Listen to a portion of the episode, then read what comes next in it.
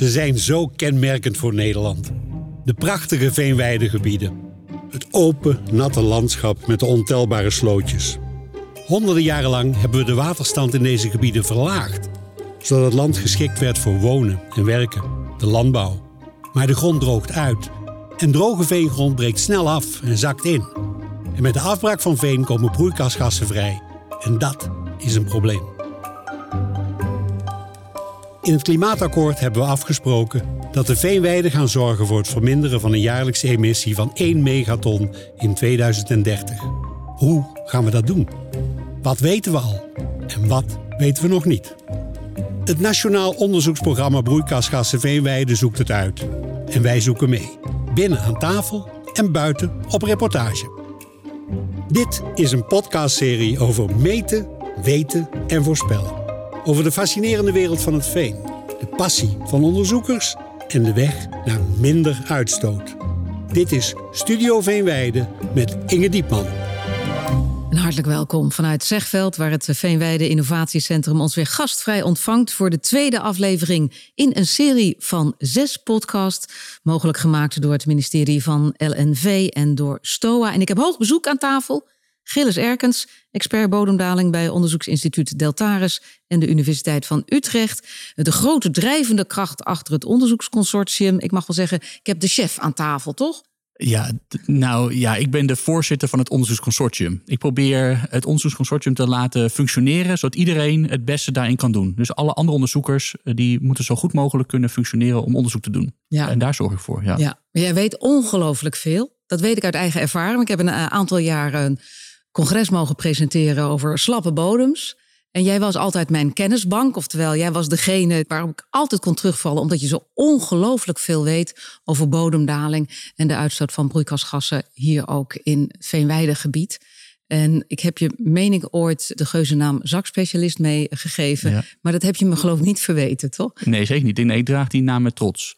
De zakspecialist, nationale zakspecialist, is natuurlijk heel leuk als je zo genoemd wordt. Maar voor mij geldt bodemdaling en de uitstoot van broeikasgassen. Dat onderzoek daarna is mijn lust in mijn leven. Ik heb elke dag weer zin in om eraan te werken. En dat is natuurlijk uh, ja, heel fijn als je daar dan uh, je tijd aan kan besteden. Ja.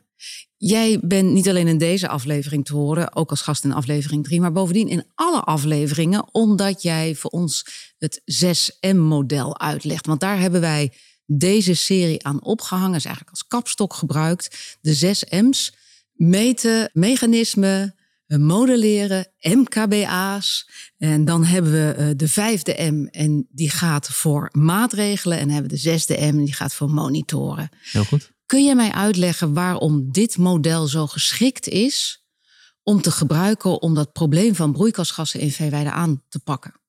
Ja, we hebben het model verzonnen ooit of opgesteld op basis van ervaringen die we elders in de wereld hebben opgedaan, hoe nou problemen worden aangepakt. En dan merk je dat het niet gaat over één aspect. We willen alleen het meten wat er aan de hand is. Maar het gaat om een heleboel verschillende aspecten. Technische aspecten, meten, mechanismen begrijpen, modelleren. Maar ook veel meer sociaal-economische aspecten. De MKBA's, het besluitvormingsproces, verantwoordelijkheden, governance. En dat moet je eigenlijk allemaal doen om tot goede besluitvorming te komen. En op al die onderwerpen is onderzoek nodig. En juist het 6M-model geeft aan welke onderwerpen dat zijn maar ook een beetje in welke volgorde je dat, dat kan doen. Want je hebt die modellen, voor die modellen heb je ook dat mechanistisch begrip nodig. En voor het mechanistisch begrip heb je eerst metingen nodig. Daarom zit ook een soort volgordelijkheid in. Je hoeft niet helemaal precies zo als een kookboek na te doen. Maar het is in ieder geval wel belangrijk om aan al die aspecten aandacht te besteden. Zodat we niet eerst allerlei maatregelen gaan nemen en dan er achteraf erachter komen dat die maatregelen helemaal niet werken. Omdat we de feiten niet op orde hebben. Ja, precies. En dat gebeurt natuurlijk soms wel. Dat de druk zo groot is om een maatregel te nemen. Dat dan, dan doen we het maar. En dan blijkt inderdaad achteraf dat het helemaal niet zo heel handig was. Dit is juist een methode om voorafgaand aan die maatregelen uh, met enige tijd te nemen om goed te begrijpen wat er aan de hand is, zodat je dan uiteindelijk die hele succesvolle maatregel kan nemen en ook efficiënt kan nemen. Ja. Deze aflevering die gaat over de tweede M en dat is de M van mechanismen.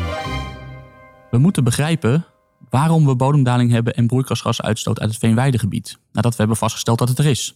Want alleen als we begrijpen wat de onderliggende processen zijn, de mechanismen, kunnen we ook maatregelen verzinnen die precies op die processen en mechanismes inspelen.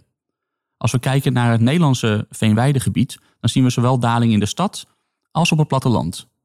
Terwijl er al twee daling is, zijn er hele verschillende processen die daar onderliggend aan zijn. In het platteland staat het veen bloot aan zuurstof, vindt er veenoxidatie plaats. En dat is een van de belangrijkste oorzaken voor bodemdaling en broeikasgasuitstoot.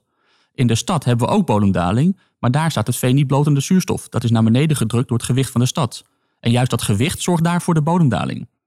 Hebben we dan ook broeikasgasuitstoot in de stad? Waarschijnlijk niet, maar dat moeten we begrijpen en meten. Dit is Studio Veenweide. Ja, in deze aflevering neemt eh, Mariet Hefting ons mee het veld in. We gaan monsters steken en we zullen ook een bezoek brengen aan het laboratorium in Utrecht. Ze neemt ons mee in de wereld van de micro-organismen. Maar Gilles, dat is maar een deel hè, van wat we moeten begrijpen. Ja, micro-organismen en de werking daarvan, die leidt tot broeikasgasuitstoot in het veengebied, is een van de cruciale mechanismes voor het begrijpen van die broeikasgasuitstoot. Maar aan de andere kant zorgt dat afbraak van veen ook voor bodemdaling. En daar hebben we ook nog een heleboel andere mechanismes die daartoe leiden. En wat we veel gebruiken is op dit moment bodemdaling als proxy voor broeikasgasuitstoot. We meten hoeveelheid bodemdaling en dat vertalen we dan naar broeikasgasuitstoot. Maar wat we dan nodig hebben als mechanistisch begrip is om die bodemdaling te ontrafelen in dat deel van bodemdaling die gekoppeld is aan de broeikasgasuitstoot en dat deel wat daar niet aan gekoppeld is. Jij zei net al, het mechanistisch begrip, dat is, ehm, merk ik, wandelend door deze wereld heen, al een begrip op zich geworden. Is, is dat niets anders dan het begrijpen van wat er nou allemaal in die bodem gebeurt? Ja, het precies begrijpen van de processen die leiden tot een bepaalde uitkomst. En ook welke factoren beïnvloeden dan die processen. Dus het mechanisme dat ertoe leidt. En dat hebben we dan genoemd mechanistisch begrip. En het is eigenlijk het meest fundamentele deel van het hele onderzoeksprogramma. Het meest wetenschappelijk fundamentele deel. Dat we echt tot op microniveau soms die processen moeten begrijpen. En eh, is dat verdeeld in jullie onderzoekswereld? Want uh, we gaan zo het veld in met Mariet, maar die uh, richt zich uh, zeker in deze reportage echt op die micro-organismen. doe jij dan weer een ander deel? Ja, ik ben een bodemdalingsdeskundige, dus ik kijk naar alle aspecten die leiden tot bodemdaling. Daarvan is de afbraak van veen door micro-organismen ook een hele belangrijke, zeker in het landelijk gebied in Nederland. Dus ik werk ook sinds nu heel veel jaren al samen met Mariet. En zij brengt haar specialisme in en, en ik die van mij. En zo proberen we ook te kijken of er enige wisselwerking is. Dus ik zou kunnen zeggen, misschien door de afbraak van veen wordt het ook slapper, waardoor er ook meer bodemdaling plaatsvindt. Of is het puur het volumeverlies doordat die, die afbraak van die, door micro-organismen, dat leidt tot, tot bodemdaling. Dat soort zaken willen we, willen we begrijpen. Nou, ik wil straks alles weten over eh, wat jij weet. Maar laten we eerst eens gaan luisteren eh, en meegaan met Mariet. Mariet Hefting is eh, bodemkundige met een passie voor ecologie. Ze werkt aan de Universiteit van Utrecht bij de groep Ecologie en Biodiversiteit als universitair hoofddocent. En met een tas vol grondboren en ander gereedschap gaan we met haar op stap in de Veenweidepolder in de gemeente Bodegraven-Reewijk. Die polder die bestaat voor het grootste gedeelte uit grasland. Uh, het gebied wordt gebruikt door melkveehouders, hè, Gilles? Zeker. En wat misschien ook wel leuk te vertellen is, is dat daar over, meen ik wel, 310 hectare onderwaterdrainage is aangelegd. Ja. Sinds wanneer? Precies weet ik niet, maar een paar jaar geleden. En dit is het belangrijkste, is dat dit het grootste aaneengesloten gebied is waar een maatregel is genomen om de bodemdaling en broeikasgasuitstoot tegen te gaan. En daarom is die polder zo interessant om te bemeten. Ja, prachtige polder. Dat gaan we ook horen. Wat Mariet uh, ons uh, gaat uitleggen is wat ze doet en wat ze ook probeert te achterhalen met die bodemmonsters. We zijn te gast op het terrein van melkveehouder Bartlo Hogendijk in Driebrugge. We zijn hier Lange Weide en we lopen richting de onderzoeksplot die hier ingericht gaat worden voor het NOBV. En daar gaan we een bodemmonsters uh, nemen die we daarna in het lab gaan uh, bemeten om de microbiële samenstelling te bepalen. Wat is het verschil uh, tussen beestjes en micro-organismen? Want het gaat hier niet om de beestjes. Het gaat hier niet om de beestjes. Die, eh, die beestjes die uh, het veen afbreken, die zullen hooguit uh, de organische stof in wat kleinere stukjes breken. En de micro-organismen, dat zijn de decomposers, die breken het veen af tot aan CO2. En natuurlijk, omdat we geïnteresseerd zijn in de broeikasgasemissies, willen we juist kijken naar de afbraak door micro-organismen. Prachtig veenweidegebied. Ja, het is heel mooi en we hebben ook nog heel technisch weer, zoals dat heet. Hoezo technisch weer? We staan, de zon schijnt en je kan heel fijn werken in het veld op dit moment. En de koeien staan hier voor ons in de wijte grazen en het gras is gemaaid, dus het ruikt heerlijk. We staan hier voor een hek, dat moet even open.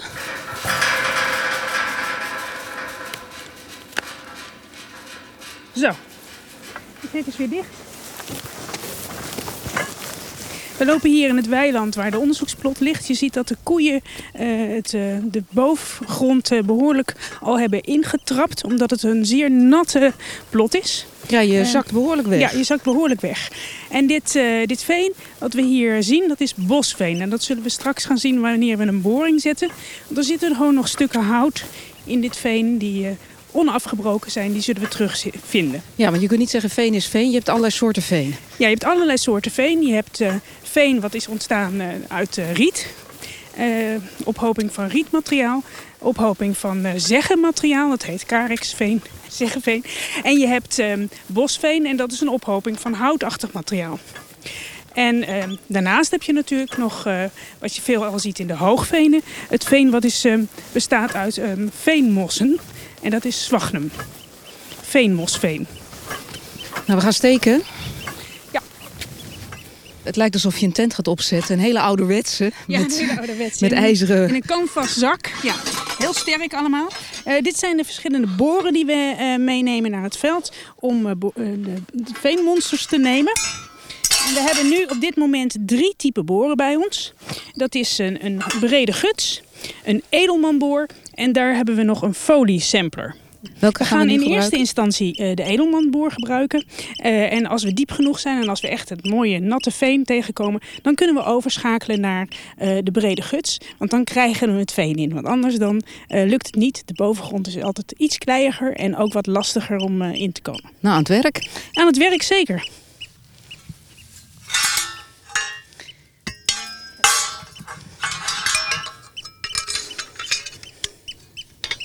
Hoe lang moet die nu zijn? Nou, dit is de eerste boring, dus we hoeven alleen nog maar de bovengrond te boren. Dus dit is de kortste lengte die we hebben. Uh, deze boor is uh, 1,20, maar we, kunnen, uh, we hoeven echt alleen maar de bovengrond te monsteren. Oké, nou, we zetten hem hier. We zetten hem hierin. Draaien een paar keer rond. En nu haal je een het monster eerste eruit. bodemmonster eruit. En dit is de bovengrond. En de bovengrond is uh, geoxideerd. Dat kan je zien. Dat het, echt, het veen is heel erg mooi uh, kruimelig. Je ziet dat je eigenlijk nog geen plantstructuren herkent. Behalve dan de worteltjes, maar die zijn van het gras wat er hier groeit. En die korreltjes, uh, daar zie je eigenlijk verder geen herkenbaar plantmateriaal. Ik kan nu aan deze korreltjes niet zien wat de oorsprong is van dit veen. Dus het is helemaal geoxideerd. Dus met zuurstof erbij zijn de bacteriën bezig om dit af te breken. Dit is eigenlijk al ver afgebroken veen. Er zijn in de, in de veenbodem heel veel lagen te vinden met verschillende vegetatie die je daar vindt. Dus verschillende um, veentypen vaak. Dus een beetje rietveen en dan weer een laag bosveen. Dat kan zich ook afwisselen. Maar wat wij uh, in onze microbiële metingen uh, vooral waar we op focussen, is dat we de bovengrond bemonsteren, waar de zuurstof eigenlijk altijd aanwezig is. Waar zuurstofindringing heel normaal is. Ja, dat kun je ook zien aan dat Dat kan je ook hoopje, zien aan het hoopje wat hier wat ligt. je nu op het gras ja. hebt gelegd. Ja, dat is echt mooi, uh, duidelijk uh, geoxideerd veen. Daarnaast uh, focussen op de, de laag waar de grondwaterstand regelmatig wisselt. Dus waar het geoxideerd is, maar ook waar uh, condities optreden dat er geen zuurstof is. Dus dat wisselt in de tijd. Als het nat is, zit daar geen zuurstof. En als het droger is, dan komt daar af en toe zuurstof. Uh, en dan nemen we een monster van de diepste laag, waarvan we eigenlijk zeker weten dat er geen zuurstof komt. Dan gaan we nu dieper. En dan gaan we nu dieper. Ik doe er denk ik nog één bij, dat is makkelijk. En dan, uh, nog steeds met die edelmanboor? Nog steeds met die edelmanboor. En dan ga ik proberen te gutsen. Nou, flink draaien weer. Ja. In hetzelfde gat? Wel, altijd in hetzelfde gat. Ja. Je haalt het los? Ik haal het los, ik haal het eruit. En met veenbeschrijvingen kijken we dan naar uh, uh, hoe het veen eruit ziet. Of er nog plantenresten tegenkomen. Of er kleuren tegenkomen. Wat voor kleur het heeft. En beschrijf dit we eens. beschrijven dit. Nou, het is zeer sterk geoxideerd. En dit is wel kleiig veen. Hier. En ik zag net, maar dat zie ik nu niet meer. Een ijzervlekje. Dus dan zie je dat er rondom de worteltjes, ja, komt er geoxideerd ijzer. Dat is een soort roest, komt ervoor. En dat is om de worteltjes, want die worteltjes die brengen die zuurstof uh, naar binnen in die bodem. En dan begint het daaromheen, begint het ijzer uit die bodem te roesten. Ja, wat we hier dus zien, willen we eigenlijk niet zien. Nou ja, inderdaad. Dit is, uh, dit is de oorsprong van, uh, van die broeikasgassen.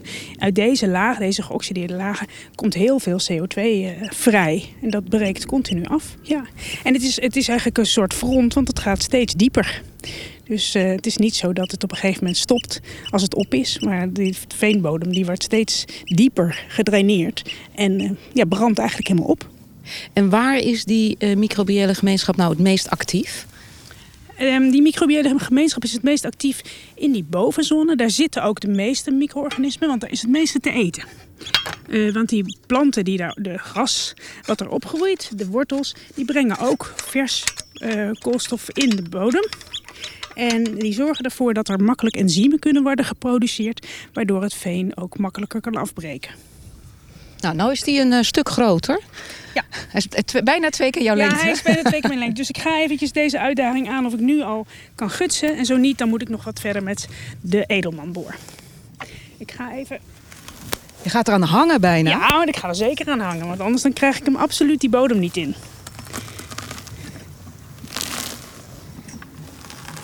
Ik weet niet hoe ver we komen met deze eerste slag.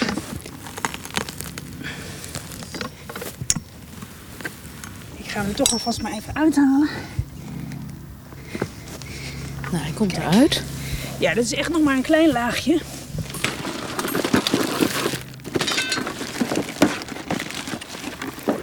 Welke hulptroepen heb je nou uit die emmer ja, gehaald? Alles. Dit is een uh, gutsmes. En dit is een beetje zoutzuur. Over de guts snijd ik de bodem weg. En dan kan je een heel mooi profiel zien van uh, het veen. Dit is nog die geoxideerde laag. En hier begint het veen al iets te veranderen. Zwart. Het wordt zwarter. Wat, zwart, zwart, bruin. Met wat zoutzuur kan je zien, als dat gaat bubbelen, of er kalk aanwezig is. Als er kalk aanwezig is, dan uh, zie je dat een beetje bubbelen. Dan komt er namelijk ook CO2 vrij. Die kalk die wordt dan afgebroken. Of dat reageert met het zuur. Laura. Laura is mee? Ja, Laura is mee. Dit is de eerste laag onder de, de wortelzone. En die monsteren we als geoxideerde veenlaag. Die was de eerste uh, Dit laag zakje die... neem, neem jij, Laura, straks ja. mee naar het lab? Ja, inderdaad. Die gaan mee naar de Universiteit Utrecht. En die ga je onderzoeken? Ja. Oké. Okay. Nou, de guts wordt weer overeind gezet, leeg. Er is een monster in een plastic zakje gedaan. Wat ga je nu doen? Ik ga verder. Ik ga in hetzelfde gat weer verder boren om uh, een uh, bodemmonster te nemen. En ik hoop dat ik nu weer wat verder in het veen kan komen. Er zit nu bijna een, een meter guts in de grond. Zo. Nou, nu begint het krachtwerk, want nu moet hij er ook nog een keer weer uit. Ja.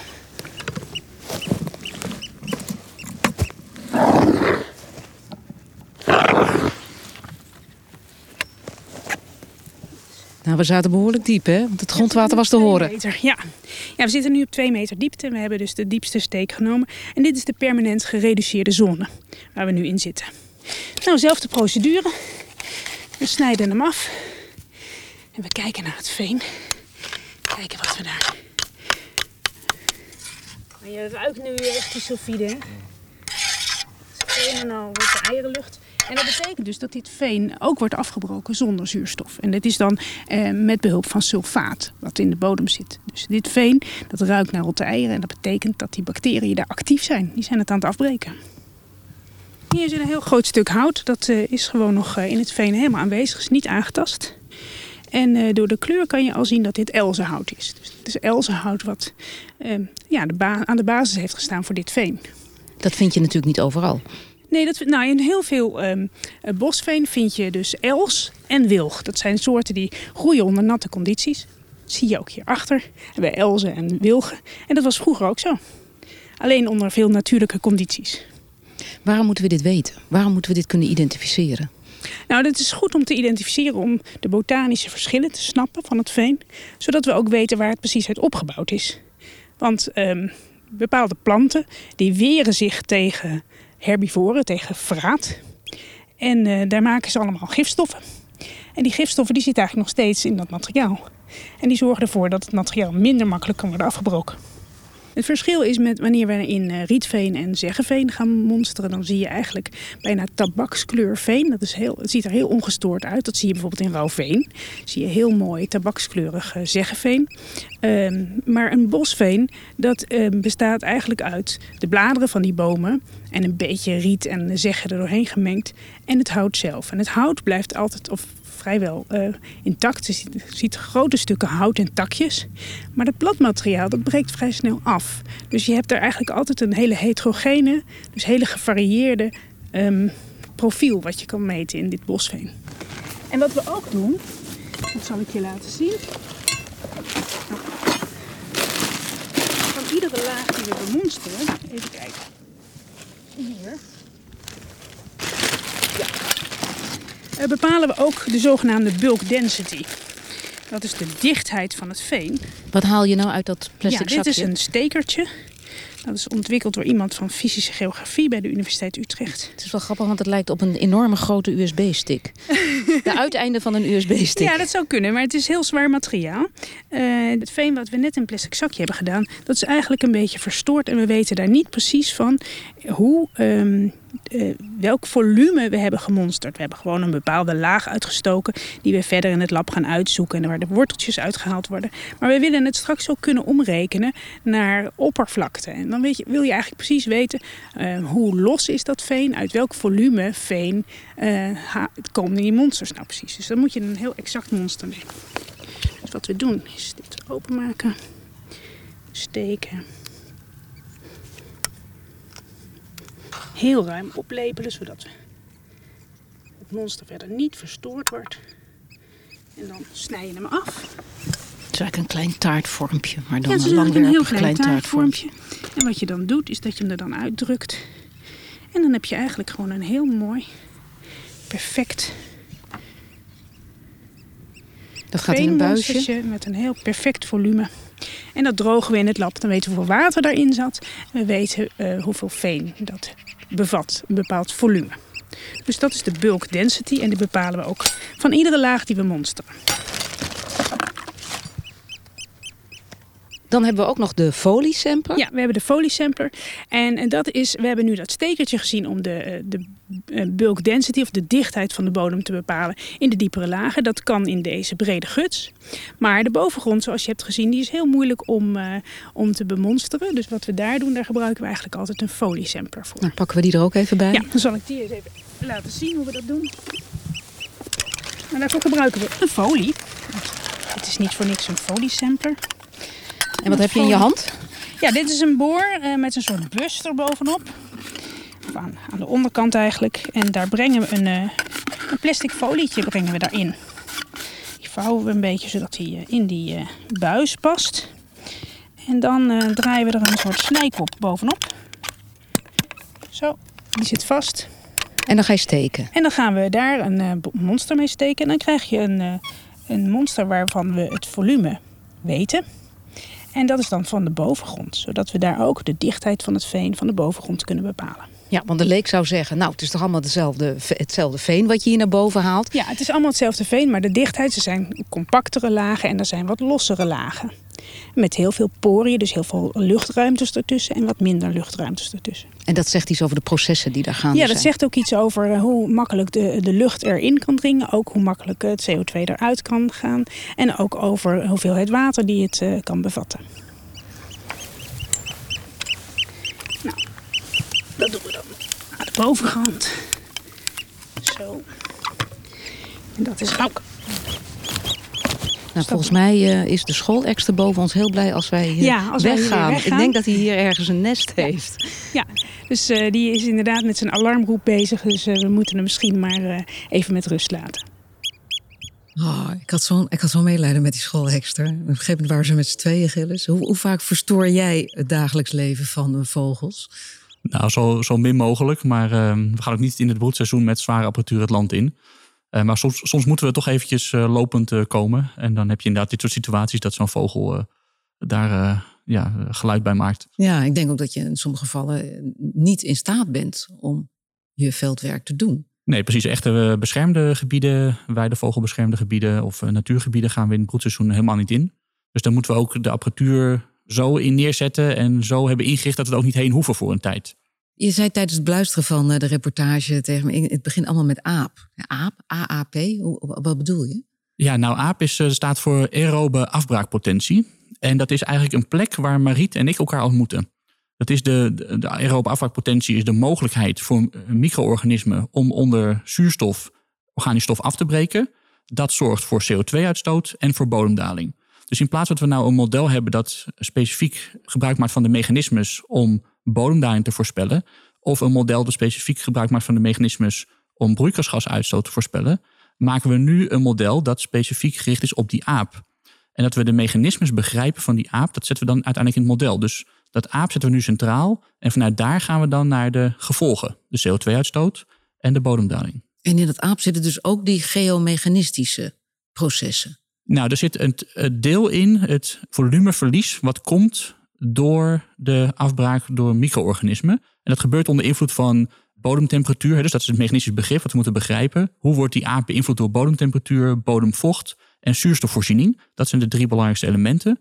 En daarbij koppelen we dan, als we de totale bodemdaling willen weten, de mechanische bodemdaling. En dat zijn de processen kruip, consolidatie. Die spelen met name onder de grondwaterspiegel. In het verzadigde deel, waar Mariet uiteindelijk eindigde in haar rapportage met de boring. En het deel uh, krimp, zwel in de onverzadigde deel. Ja, daar doen jullie natuurlijk ook proeven mee. Dus ander veldwerk. Kun je daar eens een voorbeeld van noemen? Ja, dat, daar wordt al heel lang eh, veldwerk naar gedaan. En daar worden dan buizen gestoken, bussen. En die worden naar het lab meegenomen en dan uh, worden er allemaal testen op gedaan. Alleen dat veen dat is enorm gevoelig. Dat heb je misschien wel gemerkt toen je in het veld was. Als je daar uh, loopt, het beweegt soms ook als je erop loopt. En het is ook heel gevoelig voor monsterverstoring. Ja, dat is wat, wat Mariet eigenlijk ook zei hè, in de reportage. Op een gegeven moment zei ze van uh, bij die bulk density... ik moet dat er heel groot uh, uitlepelen, anders verstoor ik het. Precies, ja. Je moet daar inderdaad je moet wat meer ruimte nemen... en zo risicoloos werken om zo goed mogelijk monster te krijgen. En uh, dat precies die, dat eigenlijk het principe van zo groot mogelijk eruit halen, hebben we bij Deltaris verder ontwikkeld. In eerste instantie met name voor dijkenbouw, dijkenbouw op veen, waar het heel belangrijk is om de exacte sterkte van die veenlaag te kennen voor die dijk die er bovenop ligt. Maar dat zetten we nu ook in voor het eh, NOBV. Ja, eigenlijk een enorme boor, maar dan aangestuurd door een kraan, een, uh, zo'n gravenkraan. Er zit ook een vrachtwagen bij en gelukkig ook een keten waar soep wordt gemaakt. Dat is altijd wel prettig voor degene die langskomt. En dat is ontwikkeld door iemand bij Deltaris die, die heeft daar helemaal zelf aan gewerkt. En dat is eigenlijk een enorm succes. Dan kunnen we monsters nemen van 40 centimeter diameter. Dat is echt zo'n blok. En dan 50 centimeter dik of een meter dik. Dus dan kan je ook voorstellen, dat is zoveel grond, dat kan je niet meer met tillen. Dat is zo zwaar. Dat moet met, een, met die kraan op een vrachtwagen worden gehezen en dan naar het lab worden getransporteerd. En dat moet op die manier, anders verstoor je zeg maar het, het proces. Want dat zijn, dat zijn die drukproeven die jullie doen? Uiteindelijk in het lab doen we die drukproeven en die zijn dus gevoelig voor randeffecten. Dus normaal steken we iets groter en daar halen we dan daaruit een iets kleiner monster wat we inbouwen in de apparatuur. Maar in dit geval is het zo groot dat we ergens midden in dat blok wat we eruit halen, kunnen we een monster nemen waar geen, daar zat geen rand omheen, want die zat verder weg van het monster. Dus hebben we geen verstoring van die randeffecten. En het is, het is zoveel materiaal dat we ook hetzelfde, uit hetzelfde blok kunnen we dus monsters nemen voor het beproeven in het lab op uh, wat de mechanische bodemdaling is. Maar we kunnen, gebruiken ook diezelfde monsters om te kijken wat de microbiële samenstelling is en hoe dat reageert op verschillende samenstellingen en, en voedingen die het krijgt in het lab in Utrecht. Dus op deze manier koppelen we alles aan elkaar. En dit is ook een samenwerking tussen het NOBV aan de ene kant en ook het Nationale Wetenschapsagenda onderzoeksprogramma Living on Soft Soil aan de andere kant. Wat juist heel erg op die mechanismen van bodemdaling ook gericht is. daar zit ik ook bij, dus dan kunnen we mooi. Uh, want die, die, die monsters nemen is heel duur. Dat is, moet ik zeggen, kostbaar, want je krijgt ook heel veel terug. Dus kunnen we met dezelfde monsternamen kunnen we meerdere projecten bedienen. Ja. Het is wel leuk om te vertellen dat jij een college geeft in de verdieping. Het is ook een podcastserie die eraan vasthangt waarin je ook nog wel meer en dieper ingaat op al die geomechanistische processen. Dus uh, consolidatie, uh, zwel. Krimp, kruip en, uh, en dus afbraak van veen door micro-organismen. Ja. ja. En, ja. En wat je net zei, betekent ook dat voor jullie veldwerk en laboratorium, dat is eigenlijk onafscheidelijk om uiteindelijk een, een, een conclusie te kunnen trekken of feiten te kunnen overhandigen. Kan niet, het een kan niet zonder het andere. Nee, precies. Nee, dus het is, uh, in het laboratorium kan je natuurlijk onder gecontroleerde omstandigheden de veldmonsters uit evenwicht brengen. Dus dat is het deel van het mechanistisch begrip dat gaat over welke factoren zijn nou belangrijk voor die processen. Dus waar is veenafbraaksnelheid dan afhankelijk van. Is dat de stof die we toevoegen, de voeding van die micro-organismen of de type micro-organismen? Daar doet Mariet en uh, Laura doen daar onderzoek naar.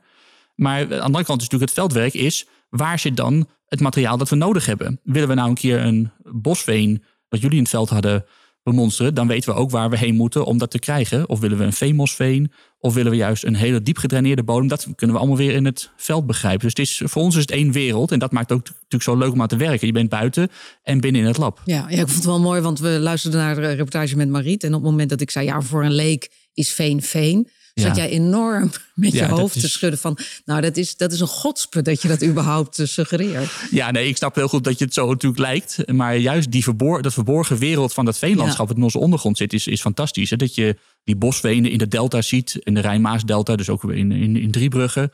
Maar juist naar het noorden krijg je veel meer de voedselarme venen... en die zitten dus nu verborgen onder de grond. En je ziet natuurlijk ook heel erg die zones die Mariet ook aangaf...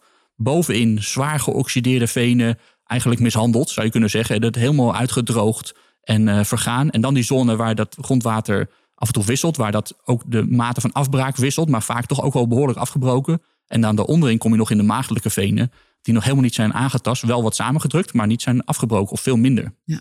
Maar goed, met al die monsters onder uh, onze arm zijn we dus weer teruggegaan naar het uh, laboratorium. We worden meegenomen een tour door het laboratorium van Mariet Hefting, de bodemkundige uit de eerste reportage, universitair hoofddocent aan de Universiteit van Utrecht Joost Keuskamp. Hij is onderzoeker koolstofopslag en duurzame landbouw bij ecologie en biodiversiteit aan de Universiteit van Utrecht en Beyond Research.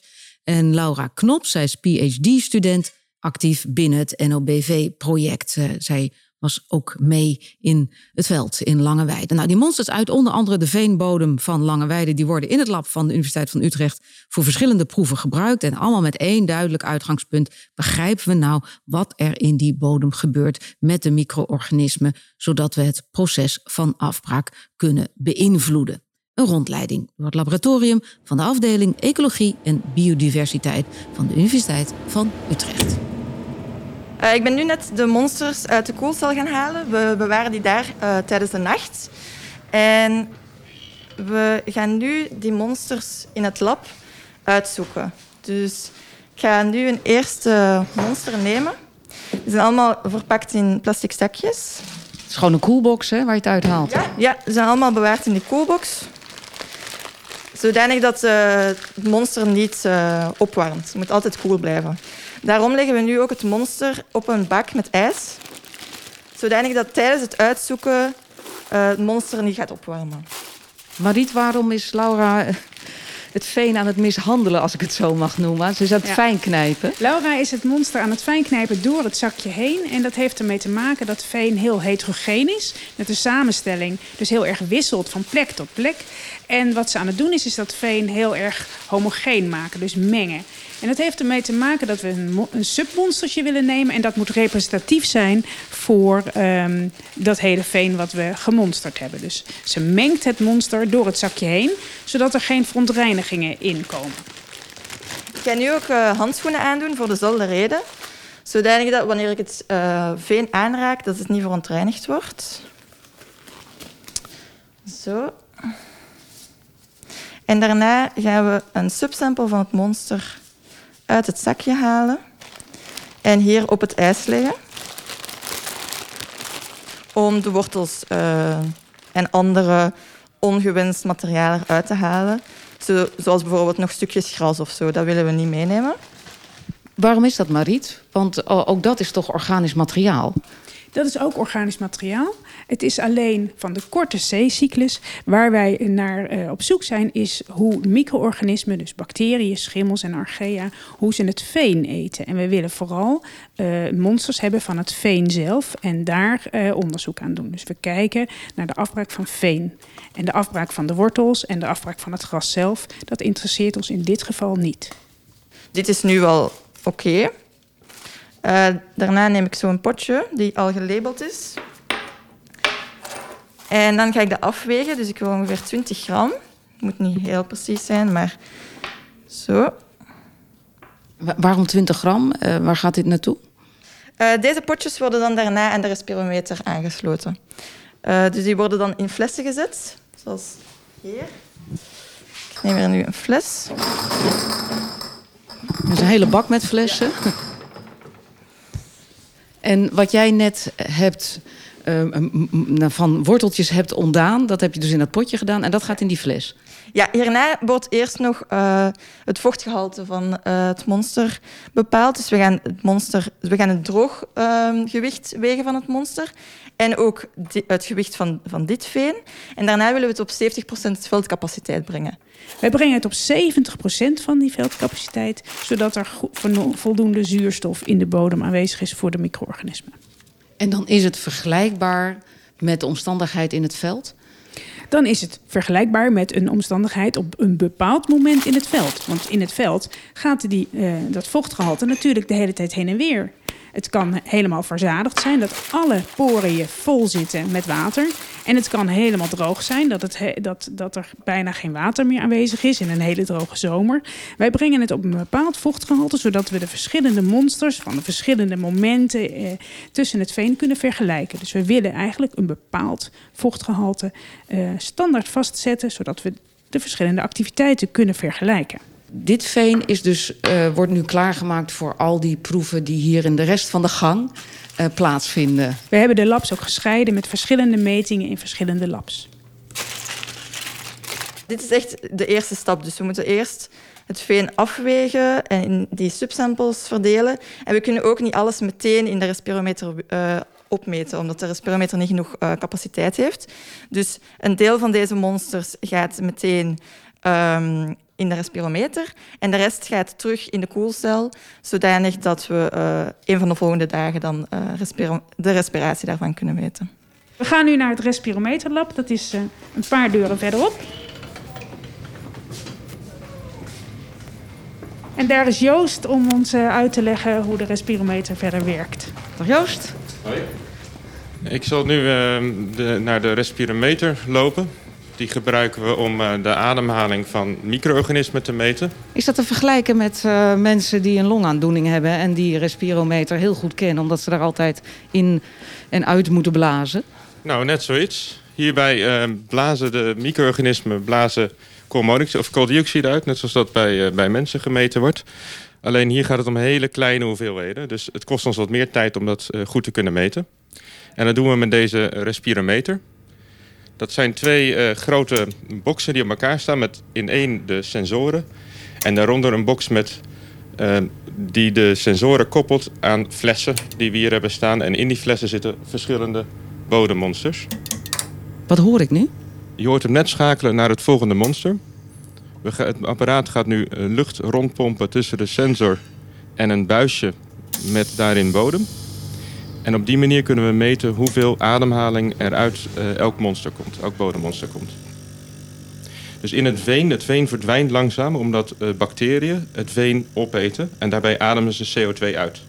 Door nu CO2 te meten, weten we hoe snel er gegeten wordt. Wacht even, hoe sneller die eet, uh, hoe, hoe, hoe, meer ze ademhalen, mag ik dat zo zeggen? Hoe sneller ze eten, hoe meer ze ademhalen. Het kan zijn dat ze gaan groeien, dan zie je heel veel uh, ademhaling. Maar het kan ook zijn dat ze gewoon aan het uh, veen aan het verteren zijn. En een van de producten die daarbij vrijkomt is CO2. En dit zijn ook monsters waar um, klei in zit? Dit zijn monsters afkomstig uit een pilotproef... waarin we graag willen weten of het mogelijk is om met klei de afbraak van veen te verminderen. In dit geval hebben die perfect door, de klei, door het veen heen gemengd. Niet zoals je dat in het veld ziet, maar hiermee kunnen we het maximale effect van klei in veen zien. Ja, want wat doet klei met veen? Als je klei door, door veen heen mengt, dan gebeuren er allemaal dingen met de structuur, waardoor er minder zuurstof beschikbaar is voor micro-organismen. Er worden nutriënten weggevangen. En het kan zijn dat sommige organismen die heel goed zijn in het afbreken van veen, daar last van hebben. Uh, het kan ook zijn dat de, er meer vocht vastgehouden wordt in het veen door het klei. En dat gaan we in de toekomst onderzoeken. Wat kunnen we hier nou uiteindelijk mee? Wat je hiermee kan, is heel precies zien wat er in het veen gebeurt. Dus naast de metingen die je buiten doet, om te zien wat er in de echte wereld als het ware gebeurt, kan je hier heel mooi scheiden wat de planten verademen en wat er onder de grond gebeurt. En samen met de informatie van buiten kunnen we zo begrijpen wat er gebeurt als je een maatregel neemt in veen. En dan kan je ook een beetje gaan uh, manipuleren? Ja, we kunnen hier heel goed gaan manipuleren. Klei in veen is daar een voorbeeld van. We kunnen ook zonder zuurstof meten. Of we kunnen er bijvoorbeeld een stof aan toevoegen waarvan we weten dat die in veen veel voorkomt. En waarvan we denken dat dat helpt bij het voorkomen van de afbraak daarvan. Joost, dankjewel. Alsjeblieft.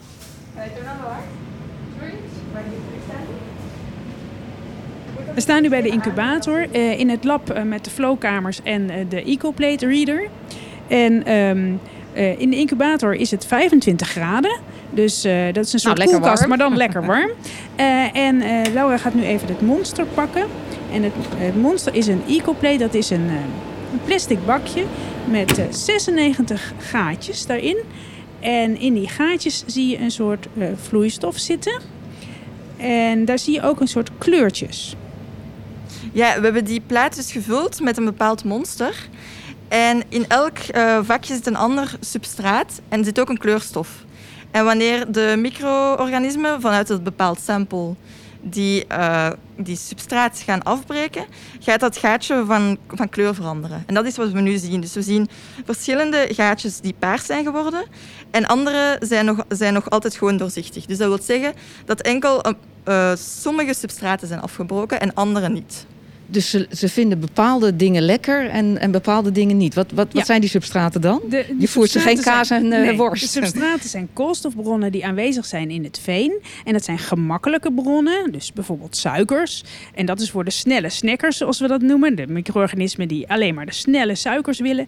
En er zitten substraten in die eh, wat moeilijker afbreekbaar zijn. En waar je wat langer op moet kouwen. De volkoren boterham. Daar je dus wat langer over moet doen. Nou, als je dat, eh, dat zit dus in al die vakjes. En we kunnen kijken of de micro-organismen die afkomstig zijn uit het veen of die deze substraten kunnen eten. En we gaan dat nu meten, want je kan het natuurlijk zien wat gegeten wordt door de kleuring. Maar sommige eh, kleuring zie je niet helemaal zelf even goed. Dus we gaan meten hoe die kleuring ehm, precies eh, in de tijd ontwikkelt. Ja, want Laura, we staan voor een soort van printer. Ja. Eh, dit is een plate reader. Ik heb die nu eh, net aangezet en ik ga de eerste plaat daarin inlezen. Het is eigenlijk een soort van cd-speler of zo. Dus ik doe hier... eh, Het is bijna ouderwets, een cd-speler. Maar goed, vakje gaat open. ja. En die plaat kan hier worden ingelegd. Zo, ik haal het dekseltje eraf. En dan eh, doe ik het terug dicht. En nu kan eh, de plate reader eh, beginnen werken. En dan wordt de data doorgestuurd naar de computer en eh, in een Excel-file gezet. En daarna kunnen we daar dan verdere analyses op doen. Dat zegt ons wat over eh, welke bacteriën erin zitten, eh, wat ze lekker vinden. En wat kunnen we dan met die informatie? Nou, eigenlijk is dit een soort vingerafdruk van de gemeenschap van de micro-organismen die daar zitten. Je hebt verschillende bacteriën die allemaal samen in die bodem zitten. En door te kijken wat kunnen ze nou afbreken, wat vinden ze lekker, eh, krijg je een soort vingerafdruk. In deze gemeenschap zitten deze bacteriën die deze substraten afbreken. En door nou verschillende veenbodems uit, eh, van het NLBV met elkaar te vergelijken, eh, kan je zien van wat voor gemeenschap zit hier en in hoeverre komt die nou overeen of is hij heel anders dan een gemeenschap, bijvoorbeeld in Rauwveen en Zegveld. Verschillen ze nou of zijn ze heel vergelijkbaar? En kun je dan invloed uitoefenen op wie er woont en wie er wel en niet mag wonen, om te zorgen dat die CO2-uitstoot eh, terug wordt gebracht? Nou, dat is precies waar Laura eh, haar uitdaging ligt voor haar eh, promotieonderzoek. Laura gaat kijken of ze inderdaad de snelle snackers een soort voor, voordeel kan geven. En de trage veeneters, die het veensubstraat, wat, wat ja- duizenden jaren geleden is vastgelegd, dat veensubstraat, eh, dat wil je beschermen. Dus die veeneters die dat eten, die wil je eigenlijk benadelen of ehm, eh, ja, in ieder geval op een achterstand zetten. We staan weer in een eh, ander lab eh, voor een indrukwekkend apparaat. Dit is een apparaat van ongeveer een meter breed, eh, 75 centimeter diep. Eh, hij ziet eruit als eh, iets wat niet misplaatst was in een ruimtevaartcentrum uit de jaren 70. Beschrijf hem eens, want ik, ik heb hier een kastje waar je, die, die je open en dicht kan doen. Hè?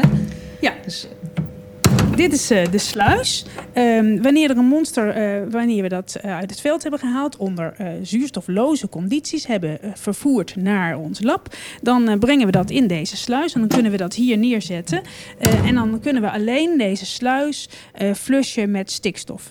En vervolgens kan het monster dan overgebracht worden naar de kast, de anaerobe kast. En die is helemaal zuurstofloos. En daar, ehm, daar zitten een soort handschoenen. Kijk hier, dan kunnen we dus werken zonder dat de monsters in aanraking komen met zuurstof.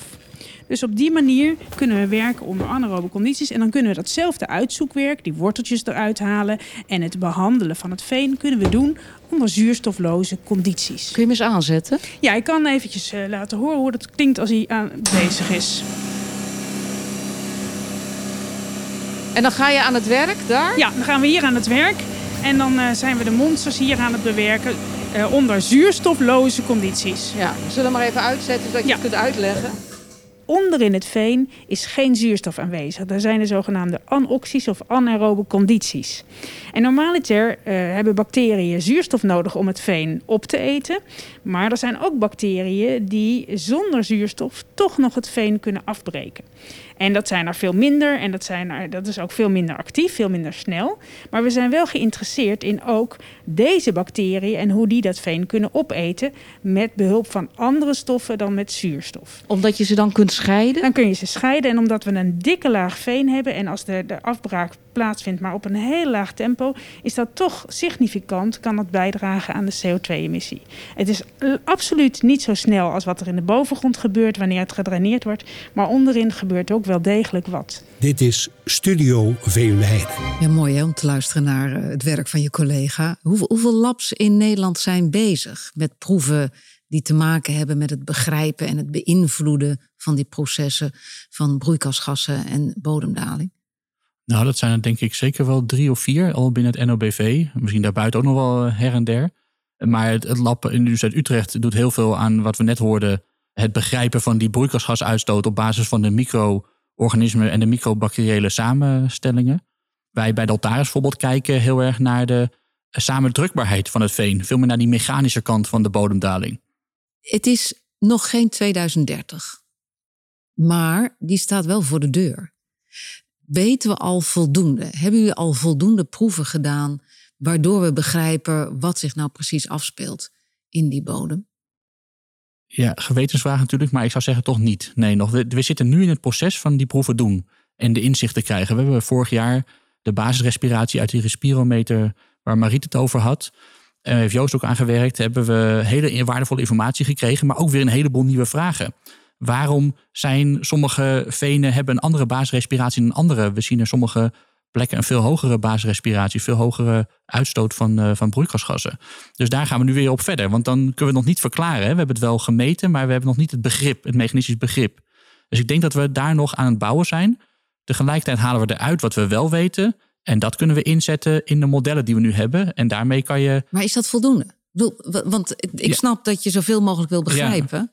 En wat je zelf ook zegt, het nadeel van uh, ergens induiken betekent dat je wel meer gaat begrijpen, maar er ook meer vragen komen. Ja. Um, en dat is niet erg als er niet een datum staat waarop wordt gezegd, ja, maar eh, jongens, 2030, uh, eh, ja, dan uh, moet je één megaton gaan inleveren. Ja, nee, precies. Daarom hebben we ook afgesproken dat in 2024 is deze eerste fase voorbij.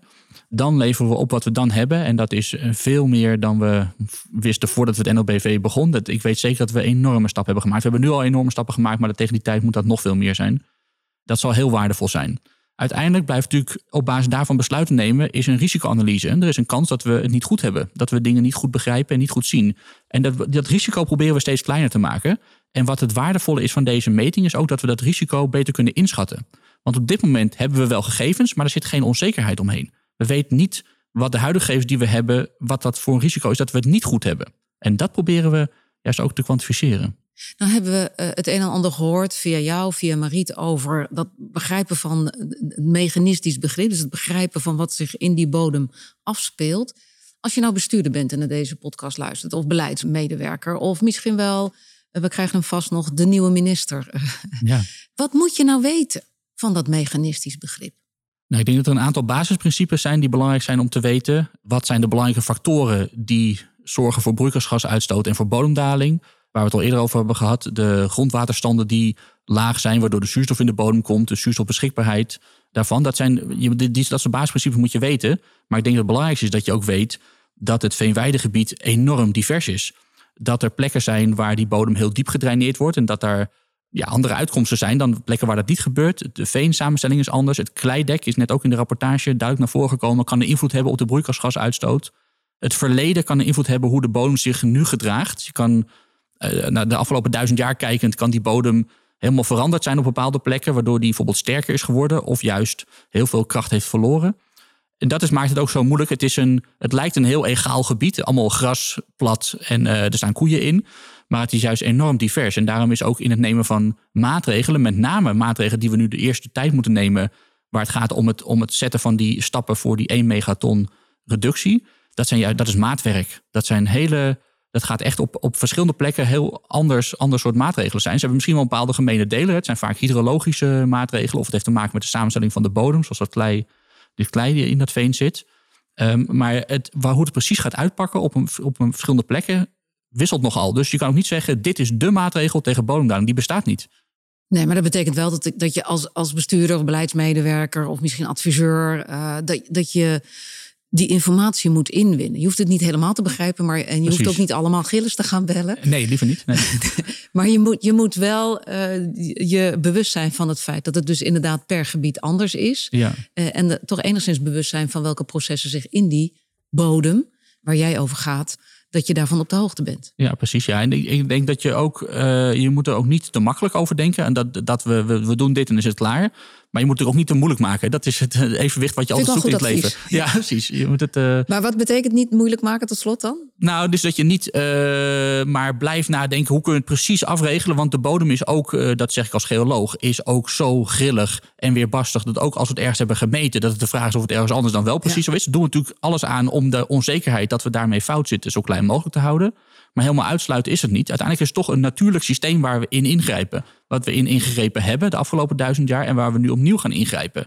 En dat is ook maar een beetje afwachten uh, wat, wat daaruit komt. En daarom is die zesde M, monitoring, uh, later in het proces ook zo belangrijk. Want dan zie je pas, was wat we hadden voorspeld ook dat is dat ook daadwerkelijk gebeurd. Nou, dat is mooi. Als je hem nog niet uh, gehoord hebt, die aflevering, uh, aflevering 6 met onder andere Ronald Hutjes, beluister hem, want dan gaat het over monitoren. Gilles, het was me groot genoeg om jou weer hier aan de tafel in Zegveld te hebben. Hoe vind je hem eigenlijk, onze mooie list door de tafel? Beschrijf hem eens. Ja, ik vind hem geweldig. Het is een soort, uh, een soort bijna doorzichtige laag. Het is alsof je op ijs schaatst. Als je ijs zo ja. langs zo'n rietkraag, list door de kraag schaatst, dan heb je zo van die ja, platen met allemaal vezels. Je ziet ook de sigaren erin zitten.